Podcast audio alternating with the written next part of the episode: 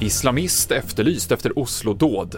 Alla överklagar Estonia-dom och talmansstrid väntar på måndag, det handlar om i TV4-nyheterna.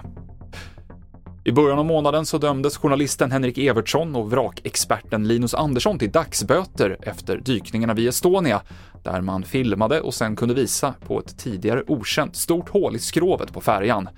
De har överklagat och vill bli frikända. Nu överklagar även åklagaren domen. Hon vill att männen ska få skärpta straff.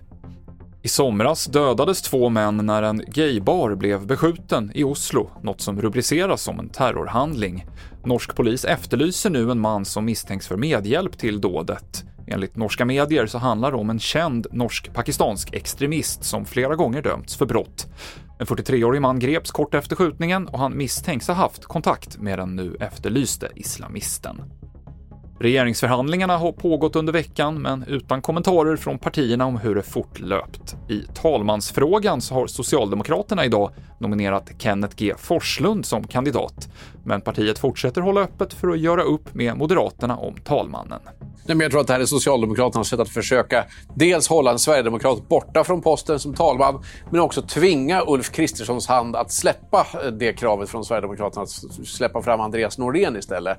Många eh, socialdemokrater har ju sagt att de är öppna för att Andreas Norlén kan sitta kvar som talman om man är, även fast han är moderat.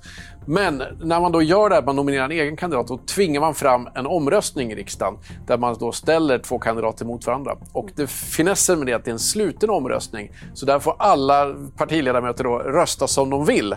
Och då finns det ju alla möjligheter för partiuppror. Jag tror att Socialdemokraterna gör kalkylen att många liberaler skulle ha svårt att rösta för en sverigedemokrat. Nu serverar man dem en annan kandidat. Berättade vår reporter Jens B Nordström. Och efter Riksbankens stora höjning av styrräntan i veckan så höjer nu även Swedbank och SEB sina bolåneräntor, både de med korta och långa bindningstider. Igår så kom statliga SBAB med samma besked. Och det avslutar TV4-nyheterna. I studion idag Mikael Klintevall.